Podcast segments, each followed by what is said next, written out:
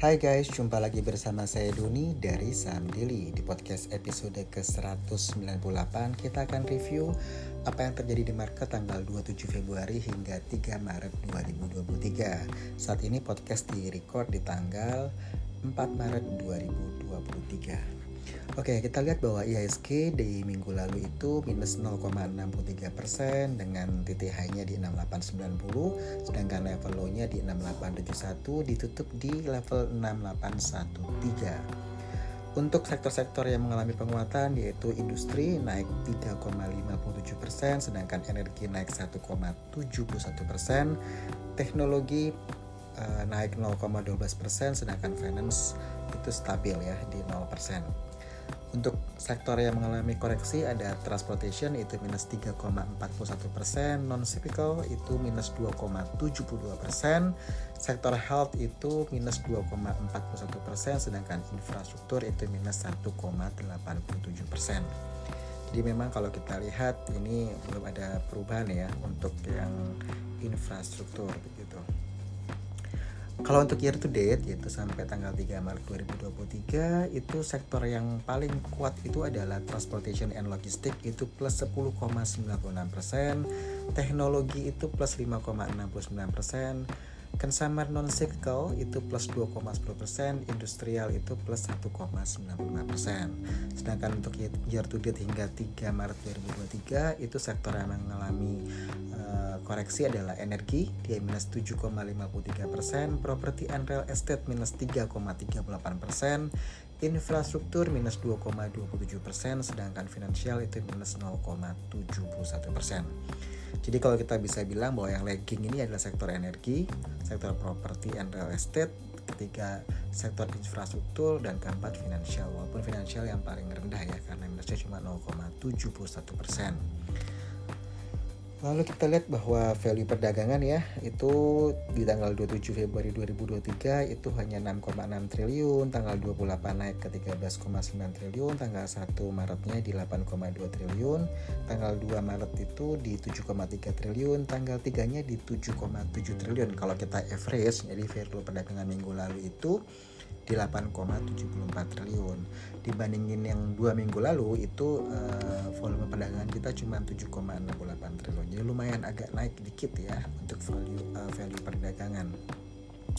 Sedangkan untuk net buy asing minggu lalu di 2,6 triliun. Kalau kita versusin dua minggu lalu itu cuma 303 miliar. Jadi ada peningkatan dari asing ya di mana mereka melakukan pembelian untuk IPO minggu lalu ada FUTR, FUTR ini di media and entertainment, sedangkan Hill itu ada di sektor oil, gas and coal, uh, subsektornya maksudnya ya. Saya ulangi kalau FUTR itu di subsektor media and entertainment, sedangkan Hill itu di oil and gas and coal, sedangkan BDKR itu di heavy construction and civil engineering. Jadi ada tiga IPO ya. Uh, Terus kita mau update tentang komoditas dulu di mana hingga tanggal 3 Maret kalau kita bandingin dengan akhir bulan Februari itu sektor yang menguat itu adalah oh bukan sektor maksudnya komoditas yang menguat itu oil ya. Oil itu naik 3% lalu yang kedua kita lihat ada natural gas itu naik 3% ada sebentar. Soybean itu naik 3% lalu disusul copper. Copper itu plus 2% CPO plus 2% sedangkan yang terkoreksi paling besar itu komoditasnya adalah nikel ya. Nikel ini minus 5% disusul oleh amonia Cina itu minus 2% corn itu minus 2% dan wood pulp itu minus 2%.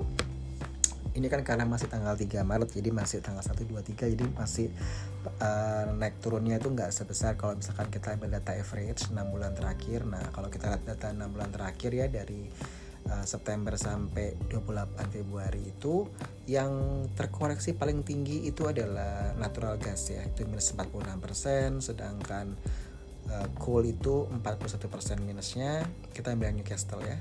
Terus disusul oleh wheat ya itu minus 10% Sedangkan yang mengalami penguatan average 6 bulan terakhir itu ada Timah itu plus 8%, lalu ada CPO plus 7% dan Copper itu plus 6%. Oke, jadi itu adalah update untuk uh, lalu ya, tanggal 27 Februari hingga 3 Maret 2023. Nah, ntar di episode berikutnya kita akan uh, kasih semacam penjelasan ya. Kenapa? Karena banyak yang bilang wah kok podcastnya yang bahas sektor melulu?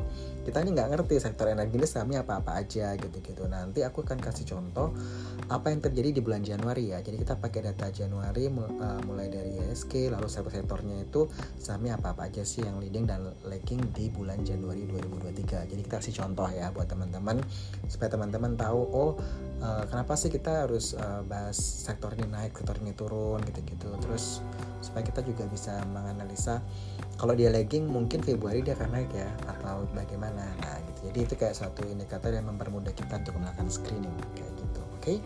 kita lanjut di episode 199 next kita bahas lebih rinci mengenai ISK sektor per sektor. Oke? Okay? saya Doni dari Saham Daily out